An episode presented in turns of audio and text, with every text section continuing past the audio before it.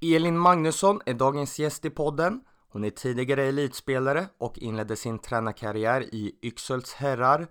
Magnusson berättade hur det var att vara kvinnlig tränare i ett herrlag, om hon upplevde sig behöva visa mer kunskaper jämfört med en manlig tränare, hur hon hanterade negativa kommentarer hon fick och om framgången hon hade med laget.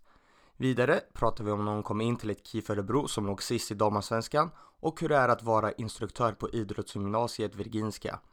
Avslutningsvis pratar vi om hur det är att vara tränare för F03-landslaget, hur en samling ser ut, vad som är viktigt i utbildningen av spelarna, på vilket sätt de vill spela, tanken inför hemma-EM nästa år och ifall hon är sugen på att träna ett klubblag igen.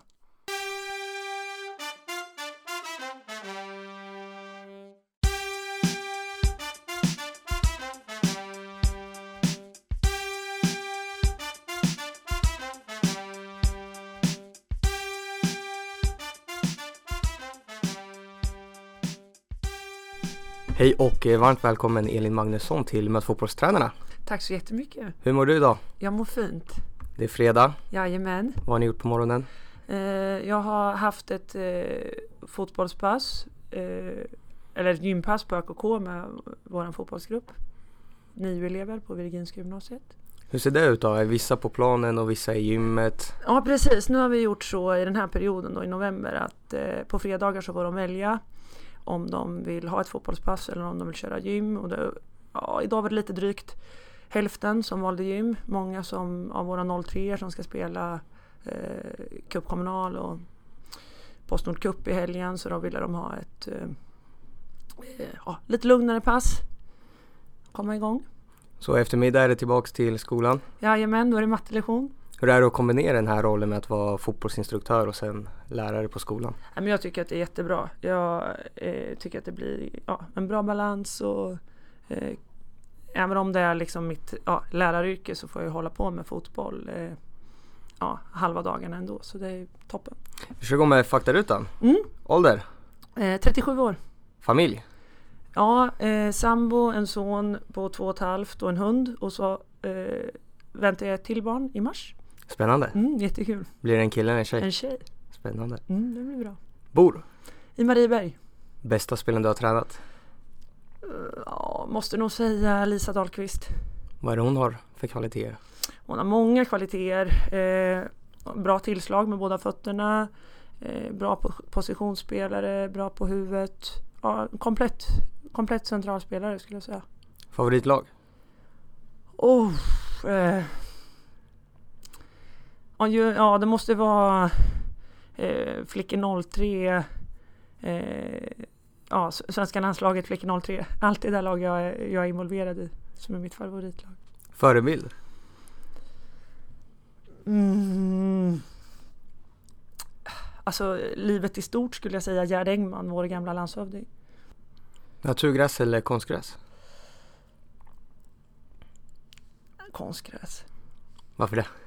Nej men för att vi lever i Sverige och jag tycker att konstgräs har tillfört väldigt mycket i, i liksom ja, i sättet vi kan träna fotboll och så. Men eh, alltså naturgräs är ju trevligare men det är så sällan det är bra här. Kostym eller träningsoverall på match? Träningsoverall. Vad gör du på matchdag? Oh, då vankar jag. Nej men jag försöker då, ja motionerar lite grann och eh, sen går jag mest bara och fokuserar och laddar. Favoritsyssla utanför fotboll? Eh, spela paddel. Hur bra är du? Duglig, önskar att jag, eller kommer bli bättre.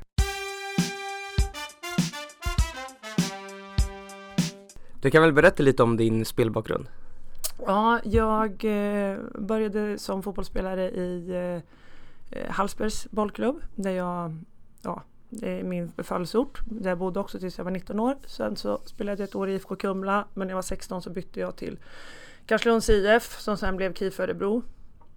Och där fortsatte jag hela min spelarkarriär. Så jag eh, eh hann med eh, 17 säsonger där på seniornivå, 13 idag med Allsvenskan. Fanns det tankar redan under din aktiva karriär att bli tränare när du har lagt skorna på hyllan?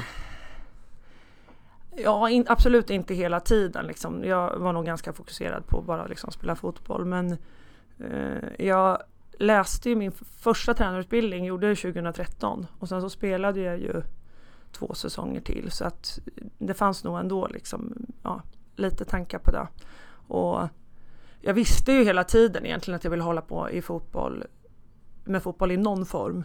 Och sen så när jag, ja, jag slut, det var ju bra att jag slutade när jag slutade men då, då kunde jag inte spela längre på grund av en eh, trasig fot. Och då, ja, det var givet liksom, jag, jag ville hålla på med fotboll på något annat sätt så tränare blev ganska naturligt.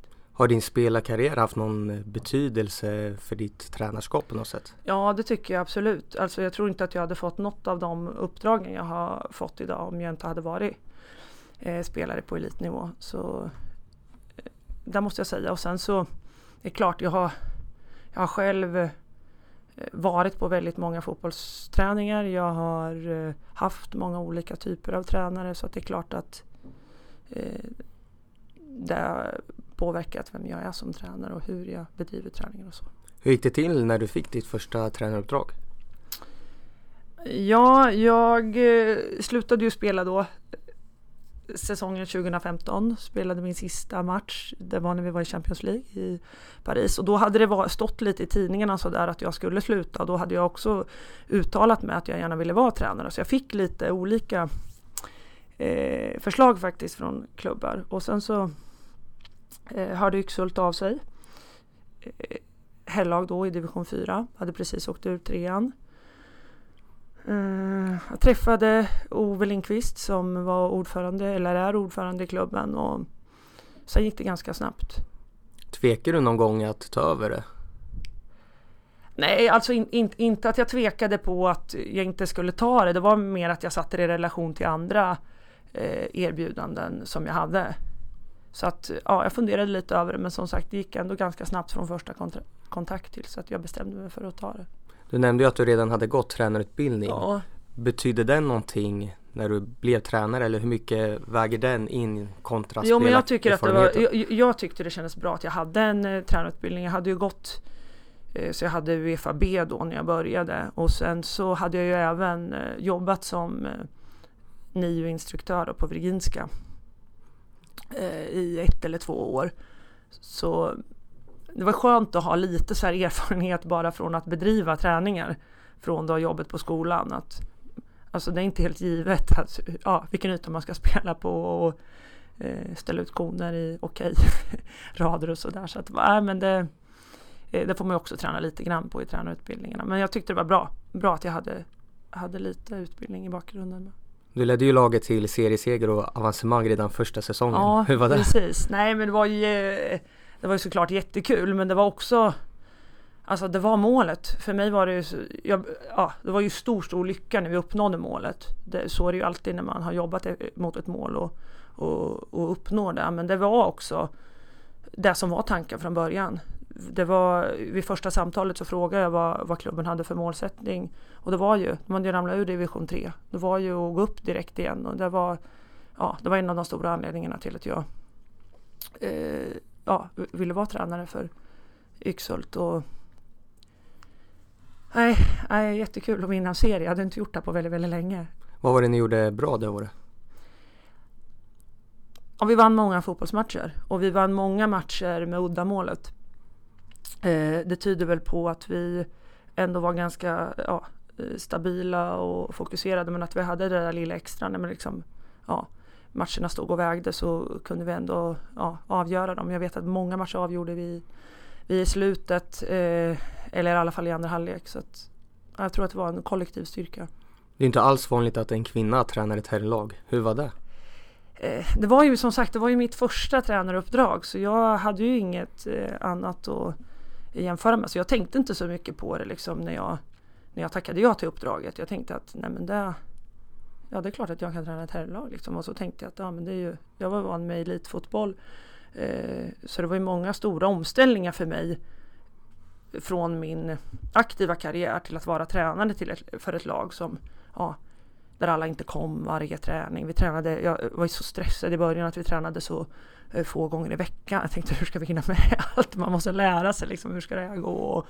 Eh, så, där. så jag var väldigt eh, ja, fokuserad på alla de bitarna innan jag tog tränaruppdrag liksom jag skulle lägga upp och hur vi skulle genomföra det. Jag tänkte inte så mycket på att det skulle vara att jag skulle vara kvinna bland eh, ja, män då så men men sen så det var ju kanske ja, eh, större ja, men sensation i liksom, ja, runt folk runt omkring mig. Alltså för många mötte visade ju att det här var något kanske inte så vanligt och sådär. Så det var väl mer då i mötet med andra det kanske var lite ja, annorlunda. Att jag märkte att det var annorlunda. Men på plan och i gruppen skulle jag säga liksom ingen skillnad alls mot sen när jag haft tränat för tjejer. Så du kände inte att du behövde bevisa någonting mer? Jo men jag känner alltid att jag måste, att jag måste vara bra och bevisa saker. Och, eh, första gången jag kände kanske att jag kanske behöver bevisa mer för att jag är kvinna. Det var när jag eh, jag vet inte, jag kommer inte ihåg om det var någon blogg eller sådär som hade skrivit lite om förväntningarna inför division 4, vilka som var favorittippade. Och för mig var det givet liksom att vi borde vara favorittippade.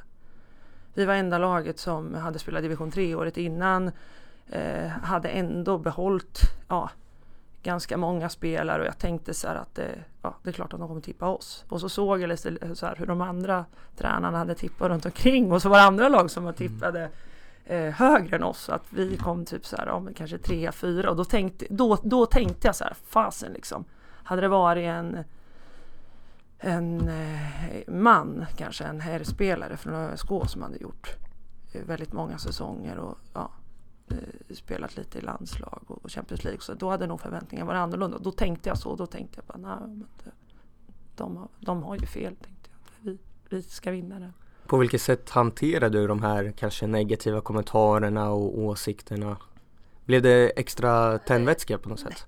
Nej, jag skulle säga att jag, eh, jag försöker bara säga att just i stunden, om det var någon gång någon, eh, någon tog mig i handen och så Eh, var det, jag tror det var Ove som presenterade mig för en person och sa det här är eh, ja, våran eh, nya tränare för herrlaget. Så samtidigt som man håller min hand, så den här personen, och så säger bara skojar du eller? Liksom, är det sant? Då blir man så här, man försöker bara hantera situationen som den är. Bara, nej, ja, nej, det är jag, hej hej, Elin heter jag typ. Liksom sådär, men sen i efterhand så eh, eh, Nej, alltså jag försöker bara hålla fokus på det vi ska göra. Jag, jag är inte så lätt att rubba sådär liksom. Jag, ah. Varför tror du att det finns så få kvinnor inom herrfotbollen? Nej men dels så tror jag faktiskt att det är eh, inte så många kvinnor som får eh, frågan.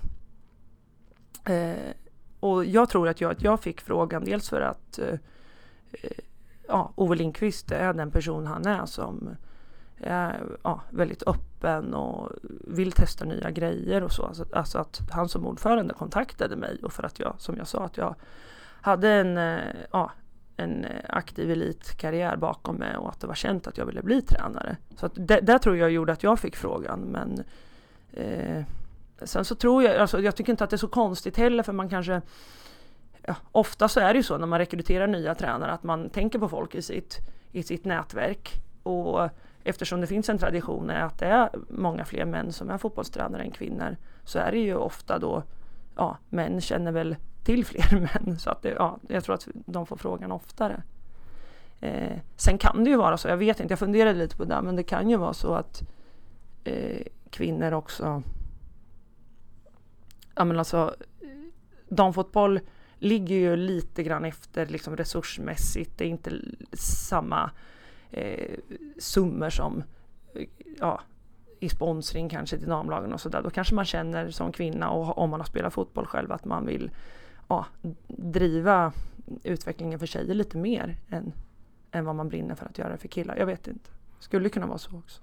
Ledarskapsmässigt, hur var det, tyckte du att vara ledare för en grupp med killar? Behövde du förändra dig på något sätt? Nej men den stora skillnaden jag kände så är att jag hade ju haft, varit ute, när jag var aktiv spelare så var jag ändå gans, ute ganska mycket i eh, olika flick och damklubbar och bedrev träningar och ja, besökte fotbollsskolor och så jag hade, hade ja, gjort ganska mycket föreningsbesök. Och då märkte jag ju att jag hade ju Ja men på grund av att jag hade spelat och var, då var jag också lagkapten i KIF Örebro och eh, då fick jag ju lite eh, ja men extra uppmärksamhet kring mig och att tjejerna visste vem jag var och tyckte att jag var en bra spelare så att kanske fick lite extra respekt och sådär. Det fick jag ju inte bland killarna, de hade ju inte så stor koll på mig. Någon visste ju liksom och sådär. Och då kände jag, men på ett sätt så kändes det också väldigt bra. Att jag var där som tränare. Bara. Jag fick ingen liksom extra respekt för att jag hade varit fotbollsspelare utan nu var det verkligen upp till mig att visa vad jag eh, kunde som tränare. Så jag fick inget liksom som extra gratis som man kanske kunde, jag kanske hade fått på ja, damsidan. Känner du någon prestationsångest över att just behöva bevisa någonting? Ja, men jag har alltid prestationsångest, alltså jag gillar inte att vara dålig och nej, som jag sa, vi, eh, ja, vi, vi hade bestämt oss, vi, vi ville vinna serien och så jag var bara mest så här, ja, hade prestationsångest inför det, att, eh, att vi skulle lyckas med det. Hur hanterar du det? Nej men ja, att försöka vara förberedd, alltså göra varenda eh, träning så bra som möjligt. Till exempel så sa jag ju tidigare att jag var stressad för det här att jag tyckte att vi skulle ha så få träningar. Jag visste att de flesta division 4-lag tränar bara två dagar i veckan. Där tänkte jag att det kan inte vi göra. Och så resonerar jag väl som tränare överhuvudtaget. Liksom ska man upp på en nivå, ska vi ta oss upp till division 3, då måste vi träna som division 3. Vi kan inte träna som division 4 då alltså. Så tränar de flesta lagen två gånger i veckan måste vi träna tre gånger i veckan. Som jag liksom gjorde research att ja, de flesta division 3-lagen gjorde. Så att eh, det är väl bara, ja, jag tänker att är man nervös och stressad för någonting, det är bara att jobba hårt. Du följde inte med laget till division 3? Nej, jag gjorde ju inte det. Vad berodde det på? Nej, men det berodde på att jag var gravid och eh, väntade vårt första barn då i början på mars och jag tyckte inte att det var att det skulle inte funka något bra. Jag skulle inte göra något bra jobb och eh, det kände jag det var helt rätt att jag inte liksom sa ja till ett tränaruppdrag. Hur tråkigt Då, var det att inte fullfölja Nej, det är såklart jätte... Nej, men det är klart det var tråkigt. Jag hade gärna fortsatt som tränare i Yxhult, men eh, det har ju gått väldigt bra för dem efter, efteråt också. Jag följer dem. Jag har kontakt fortfarande med ordföranden och jag går och kollar på matcher och de är ju kvar i trean. Gjorde en jättebra säsong i år. Ja, om något år kanske de kan ta ett kliv till. Så. 2017 återvände du till KIF Örebro ja, och då som assisterande. Jajamän. Hur var det att komma tillbaka till klubben som du har spelat i? Ja, det, alltså det, jag har ju väldigt starka känslor för KIF Örebro och då så låg ju de i, eller vi i ett ja, ett sämre läge än vad KIF ja, hade gjort på väldigt, väldigt länge eller egentligen nästan under hela min, ja, under hela KIF Örebros eh, allsvenska tid. Då. Och då, jag kände så här att jag var så glad att få frågan och komma tillbaka för att jag eh, gillar inte liksom att bara stå utanför och titta på. Det känns jättejobbigt när någonting man känner så starkt för inte går så bra. Då eh, vart jag jätteglad att jag kunde få vara med och försöka påverka på något sätt. Sen så, ja, vi reste oss ju inte från eh, ja, att vara under strecket utan vi ramlade ju ur. Då. Vilka förhoppningar var det du kom in med? Var det att liksom röra om i grytan eller?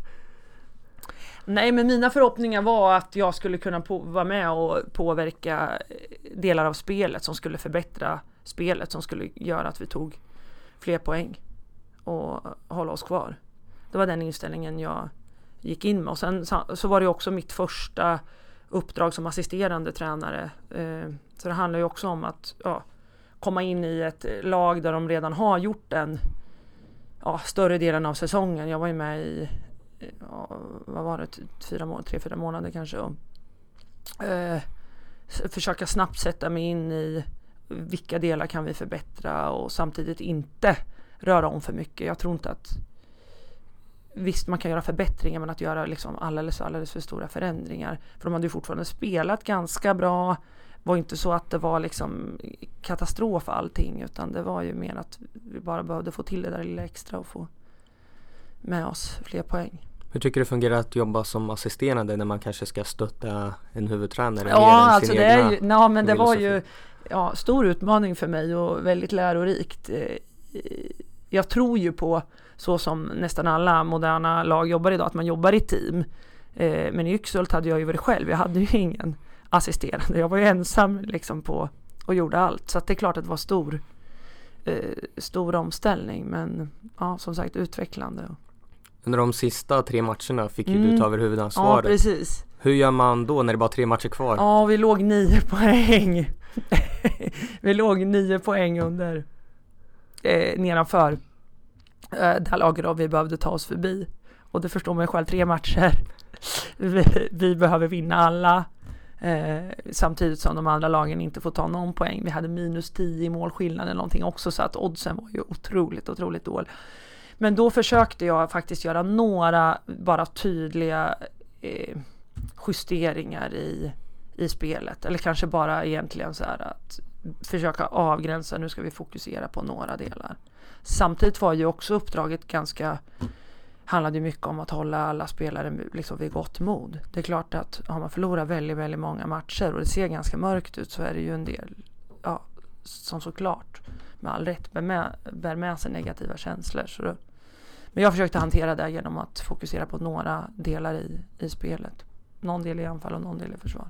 Vad var det för delar om du kan beskriva dem? Ja, men jag tror att jag tyckte att vi hade lite för dåligt understöd i anfalls, anfallsspelet. Att vi eh, eh, fick för korta eh, anfall. Att vi liksom, ja, och blev på det sättet utdragna och sårbara bakåt. Så att det var en del som vi gjorde i anfallsspelet. Försökte jobba med ja, då, aktiva understöd på felvända spelare lite mer och sådär. Så inga stora grejer, bara så här små eh, detaljer. Hur kunde det se ut om du beskriver någon speciell del på planen om en spelare har bollen? Vem ska ge understödet? Ja, men till exempel om eh, då spelade vi ju med, eh, ja vi spelade 4-4-2 och om man då, eh, om våran yttermittfältare eh, tar sig in i, i fickan och hamnar felvänd, att vi snabbt då har understöd av en central mittfältare. Där tyckte jag väl kanske var att avstånden var lite för långa och att vi ofta kanske blev av med bollen. Nu ska jag inte säga att det var just där vi blev där jämt, men det kan ju också vara det är ett exempel, eller att vi ja, får en felvänd forward. Kanske en ensam forward, att vi då kanske behövde en passning till och sen då få upp den. Om den forwarden var felvänd, då kanske det är yttermittfältaren som kommer in och ger understöd. Hur jobbar du då med mm. att försöka höja upp spelarnas energinivå? Ja, det...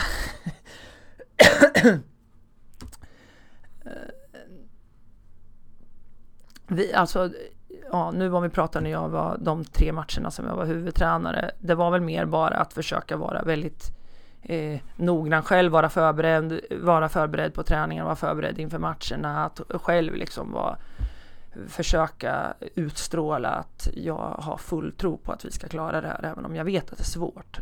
Att jag vet att liksom det är svårt, men vi ska, vi ska göra det vi kan. Och sen så, så att det tror jag ja, var mitt sätt att försöka höja modet i alla fall. Att, att jag visar att jag tror på det här och jag har en idé om hur vi ska kunna lösa det här. Men sen gjorde vi ju under säsongen så tog vi in lite extern hjälp och försökte jobba med lagets gemensamma målbild och sådär med personer utifrån. Så, så det, men det hade vi gjort lite tidigare. Idag är du instruktör på Virginska gymnasiet ja, och aktuell i ett flicklandslag. Ja. Hur är det att jobba som instruktör med eh, gymnasieelever? Nej, men det är ju väldigt inspirerande som jag sa förut också. Det är ju jättekul att jag kan hålla på. Jag är ju utbildad gymnasielärare med att jag får hålla på med fotboll som ämne liksom halva dagarna. Det är ju fantastiskt. Och de eleverna vi har, de är ju ja, duktiga fotbollsspelare allihopa. De ja, vill bli bra. Och, ja, vi jobbar med utbildning på många olika sätt inom fotbollen. Tycker du att det är konstigt att det kan bli en grej att du som kvinna lär killar ute på fotbollsplan att det blir en grej men inte när du lär om matte? Nej men nu tycker jag absolut inte det och nu är det nog alltså våra våra killar här, ÖSK-killarna i U17, de har ju en eh, kvinnlig huvudtränare i sitt klubblag med, Carola Söberg. Och sen har vi ju våran målvaktsinstruktör här är ju Kristin Hammarström, så jag brukar säga att de får vara kvinnor istället. Liksom. Men, men eh, nej, så det tycker jag inte. Och där märker man ju också att de här är jättevana att ha mig och andra kvinnor som eh, tränare. Men eh, det var väl mer kanske första gången när jag skulle ja, bara hålla ett pass med killarna. Då var det inte lika givet kanske att jag skulle göra det. Det kan väl vara fem år sedan eller sådär. Och sen så medan att som mattelärare blir man ju aldrig ifrågasatt. Det, inte i Sverige i alla fall. Men, eh, men jag märker ju att på andra NIU-skolor när jag träffar andra NIU-instruktörer som är tjejer så är det väldigt sällan som de har killarna också utan då är tjejerna kopplade till tjejer. Och där tycker jag att vi har kommit ganska långt på, ja, på min arbetsplats, att, arbetsplats då, på idrottsgymnasiet. Hur ser ni en roll ute i flicklandslaget? Jag är med som tränare och jag har varit där. Jag jobbar tillsammans med förbundskapten, ja, jag har varit med lite olika flicklandslag, men framförallt förbundskaptenen Per Lagerström. Som jag har, första gången jag var med som tränare i hans team var hösten 2016.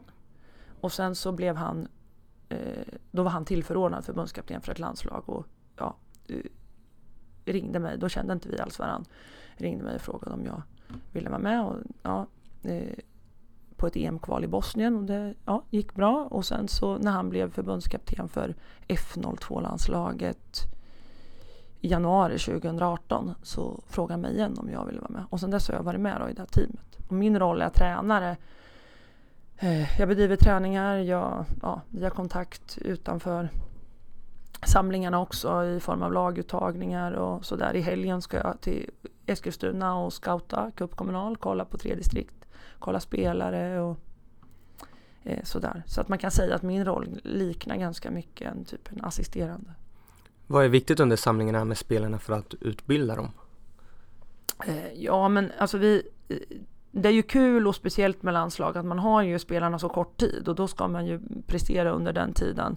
Men samtidigt utbildar de ju såklart i våran spelidé och i andra delar av ja, deras eh, eh, ja, fotbollsspelande också då. Men det, vi har ju mycket teori med hjälp av eh, videoklipp. Det finns ju också en portal där de kan kolla på egna eh, videoklipp så att vi jobbar ju både kollektivt och individuellt med deras roller framförallt. Hur ser spelidén ut i landslaget? Ja, alltså nu är det ju så här, det är ingen gemensam spelidé. Ja, det finns några grundprinciper om man säger som man försöker jobba med över eh, alla landslagen. Men eh, vi tog ju över det här landslaget nu, Flickor 03, i höstas när Pia Sundhage som tidigare var förbundskapten då för det här när hon eh, eh drog till Brasilien. Eh, och då är det ju också så att det här landslaget ska ju spela eh, ett eh, EM på hemmaplan i eh, maj nästa år. Eh, och de har ju jobbat liksom ett år innan vi kom in då som tränarteam. Eh, så just nu så försöker vi ju kanske att jobba vidare med där de har jobbat tidigare och samtidigt få in då kanske några nya idéer. Men när vi jobbade med 02 så kanske det såg, ja, som vi hade haft från, ja, lite mer från början, såg det kanske lite annorlunda ut. Om rent konkret, hur, mm. vilka principer kan ni jobba efter? Ja, rent konkret så, ja, i försvarsspel jobbar vi med positionsförsvar men försöker att i, på offensiv planhalva att kanske mixa lite grann med att ibland gå över till eh, markeringsförsvar när vi känner att vi har bra press. Det är en sån eh, konkret princip kanske. Eh, I eh, anfallsspelet så eh, försöker vi att jobba med många, eh, många alternativ i, i speluppbyggnaden. Att jobba, ja, jobba mycket med spelbarhet i eh, olika korridorer och olika spelytor. Hur är det att jobba med spelare som är de absolut främsta i sin årskull? Ja, det är ju väldigt eh, kul såklart. Alltså jag tycker att eh, ja, alla, alla de spelarna har ju ett otroligt eh, driv. Och sen så är de ju ja, snabba på att och stor vilja att ta till sig och förbättra sina kvaliteter och lagets kvaliteter. Jag tycker att nej, det är väldigt, väldigt kul. Hur mycket satsar ni nu på att göra ett bra resultat på hemma-EM? Nej men mycket skulle jag säga. Alltså det är ganska stora resurser kopplade till det här eh, landslaget med nu när det är EM på hemmaplan. Så att eh, ja, vi, eh, vi satsar mycket på att, att göra ett bra eh, slutspel. Nu till exempel så har vi haft två stycken fysläger i eh, eh november. Vi har ett till läger nu, Bosaläger i november. I december så har vi blivit inbjudna till för eh, VM i Indien men tyvärr så får inte jag följa med, jag är för gravid då. jag har tråkigt. Med. Ja, jättetråkigt. Men det är ju så också att eh, om man eh, kvalificerar sig som ett av de fyra bästa lagen i EM-slutspelet, då eh, så blir man kvalificerad till VM som är då i, i Indien nästa år. Så det är ju det är väl också en, ja, en förhoppning att vi ska kunna ta oss dit. Så det är redan nu en målsättning som ni har satt? Nej, vi har kanske inte satt den sådär gemensamt, men alltså vi är vi, det kan jag väl säga liksom, och, ja, utan att jag behöver säga, tänka att jag säger för mycket. Vi är i ett EM slutspel på hemmaplan och vi vill såklart absolut göra ja, så bra som möjligt där och vi vet att vi har, om vi når 100% så har vi kapacitet att slå de allra bästa lagen och det ska vi försöka göra. Hur står ni jämfört med motståndarna? Nej men alltså det är ju man brukar ju säga att det händer väldigt mycket med dam och flick, flickfotbollen i Europa och det gör det ju. Det finns många nationer som har bra eh, ja, som har bra ungdomslag och det eh, jag skulle säga att vi, vi står oss ganska bra. Men eh, samtidigt så, så ska vi veta att vi har ju haft svårt i Sverige att ta oss till de här EM-slutspelen på egen hand. Förra året när jag var med som tränare och kvalade med Flickor 02 så tog vi oss vidare från EM-kval 1 eh, till EM-kval 2 då, som man måste gå igenom och där så lyckades vi ju inte ta oss vidare. Det gjorde ju Spanien på våran grupp som sen åkte ut i, i semifinalen. I, Vad drar man för slutsats? Ja, men slutsatsen är ju att det händer mycket i, eh, med flick och damfotbollen i Europa. Det är många lag som, eller många länder som, eh, ja, Eh, som har steppat upp rejält eh, i sina satsningar och sin utbildning. Så att eh, ja, slutsatsen är ju att vi i Sverige måste fortsätta jobba stenhårt för att ja, behålla våran position som stor nation i, i damfotboll.